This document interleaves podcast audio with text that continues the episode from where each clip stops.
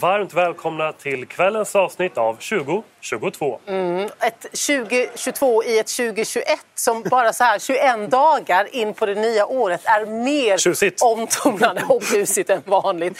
Vi har en ny president i det stora landet i väster och vi har en tidigare president som eh, har slutat eller blivit eh, bortvald och som inte längre är välkommen till det vita huset. Nej, han är inte välkommen till Vita huset. Han är inte heller välkommen på Twitter som har stängt av honom permanent. Mm. Och det är ju den stora frågan nu. Är den här avstängningen av Donald Trump på Twitter ett hot mot demokratin? Så vad säger ni pojkar? Är avstängningen av Donald Trump på Twitter ett hot, eller början på slutet till och med, för yttrandefriheten? Är det så? Nej, inte just den grundlagsstadgade yttrandefriheten. Det är inte ett hot mot nej. Nej, verkligen inte. Eftersom yttrandefriheten, det, det handlar ju om att vi ska se till att medborgare inte tystas av till exempel en stat. Så att de inte ska få uttrycka sina åsikter. Det här är något helt annat. Ja, precis. För det finns ju en del som eh, tycker att man, har, man ska ha rätt att få bli publicerad vad man vill och hur man vill och att om, eh, om en tidning säger nej eller ett, ett bokförlag inte vill publicera en så kan man hänvisa till yttrandefriheten. Och det stämmer alltså inte.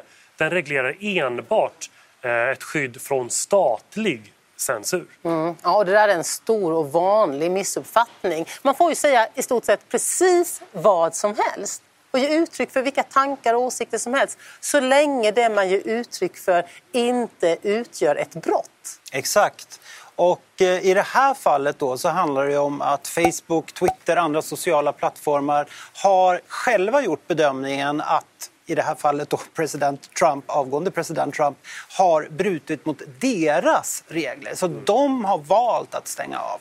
Och det har ju ingenting med yttrandefriheten i sig att göra. Nej, man måste komma ihåg att de här plattformarna de är inte att likställa med ett offentligt torg dit vem som helst ska komma. De är privatägda, det är privata företag och självklart kan alltså Facebook och Twitter och tjofaderittan, de kan ju själva då avgöra och bestämma. Alltså det är deras rätt att göra det, vilka som får vara där eller inte. Men det stora problemet och som faktiskt är en utmaning för hela vårt samhälle, det är ju att de här företagen, de är mer eller mindre i en monopolställning. Och utifrån sett så ser det ju ut som ett offentligt torg, men det är det inte. Det är ett privatägt torg.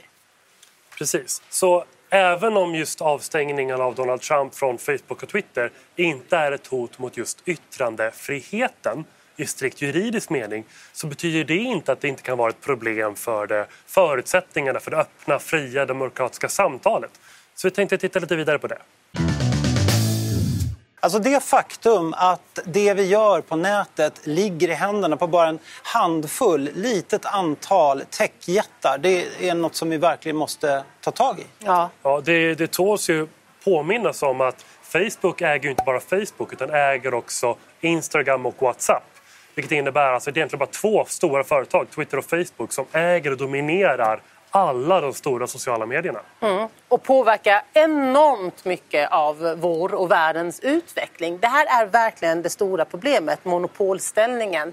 Och att det är affärsmässiga idéer om eh, vad som får synas och hur det får synas och att det styrs av algoritmer. Jag menar, det här är jätteproblemet. Och detta faktum att bröst på kvinnokodade kroppar, det censureras. Medan våldsbejakande extremistiska inlägg med förödande konsekvenser, inte minst i, i Indien och, och Myanmar och flera andra länder, det får ligga kvar med hänvisning till någon sorts yttrandefrihet. Ja, och yttrandefriheten har ju visserligen eh, yttre gränser som exempelvis hets mot folkgrupp eller, eller uppvigningen.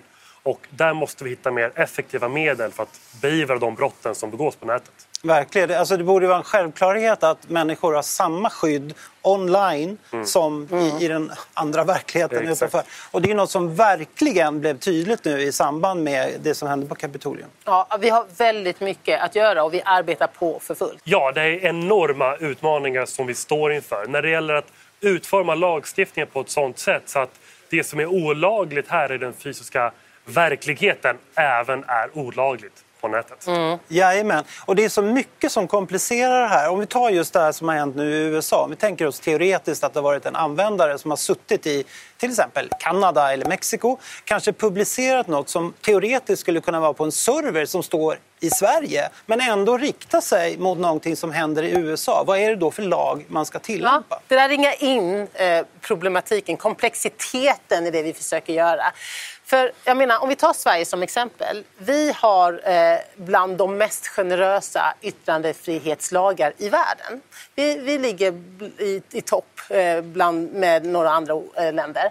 Men ska vi då, vi svenskar, få vara friare och säga mer på till exempel Facebook än andra? Och ska vi då acceptera att eh, i Polen, eh, där ska man censurera bilder på samkönade par därför att det finns en lag som eh, förbjuder homosexuella homosexuell propaganda i Polen. Ska, alltså, hur ska vi få det här att vara internationellt, globalt? Ja. Jätteknepigt. Dessutom finns det andra frågor att eh, beakta när det gäller hur vi balanserar det här gentemot integritetsfrågorna. Vi måste ju se till att polisen får mer möjligheter att stoppa brott på nätet men samtidigt hur ser vi till att de inte får för mycket eh, information. Exakt, det där tror jag är jättecentralt. Just den här avvägningen mellan den personliga integriteten, att vi faktiskt inte vill ha för mycket övervakning. Ja, vi vill absolut inte ha det. Nej. Nej. men, men i de här fallen så kommer man ändå behöva ha någon form av, av filter eller algoritmer som på något sätt övervakar. Ja, Det här, det här kommer ta oerhört eh, eh, lång tid och mycket arbete. Och vi har ju inte börjat idag utan vi har hållit på med det här i, i, med många år. Och under våren nu så kommer vi börja ta beslut också under den eh, lagstiftning som kallas för Digital Service Act. Exakt, och det kommer att hända mycket nu under 2020-talet. Och även om det var Trump bokstavligen som fick bägaren att rinna över den här gången så handlar det här absolut inte bara om, om Trump. Ja, definitivt inte. Nej, men eh, det var allt eh, för eh, denna vecka och denna presidentmandatperiod i USA. Så vi kan ta tillfället att lyssna på hur det lät när vår producent Torgny slog en signal till Donald Trump. Mm. Och glöm inte att prenumerera. Rera. Ha det bra! Hej! The White House. Hi, I would like to talk with the President Trump, please. One moment.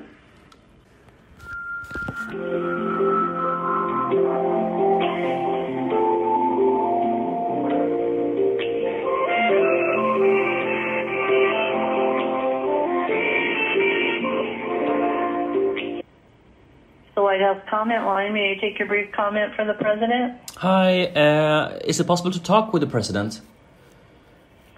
Uh, I have no way of transferring you, sir. This is strictly a line for comments on his policies. Oh, okay, okay, Paulus, could I ask you a question or is it just one-way communication? It's one way. Okay, then... If you want an answer to your question, then you need to write it, put it in writing so that you can get an answer back. Okay, but I do have a comment. I do have.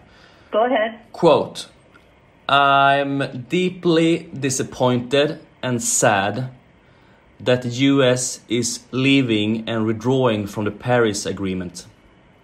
End of quote. All right. Well, I've got that comment. You have a good day. When, when, when will the president see this? How does it work? This evening. This evening. Okay, thank you very much. Have a good day. Okay. Bye. Bye-bye. Bye bye.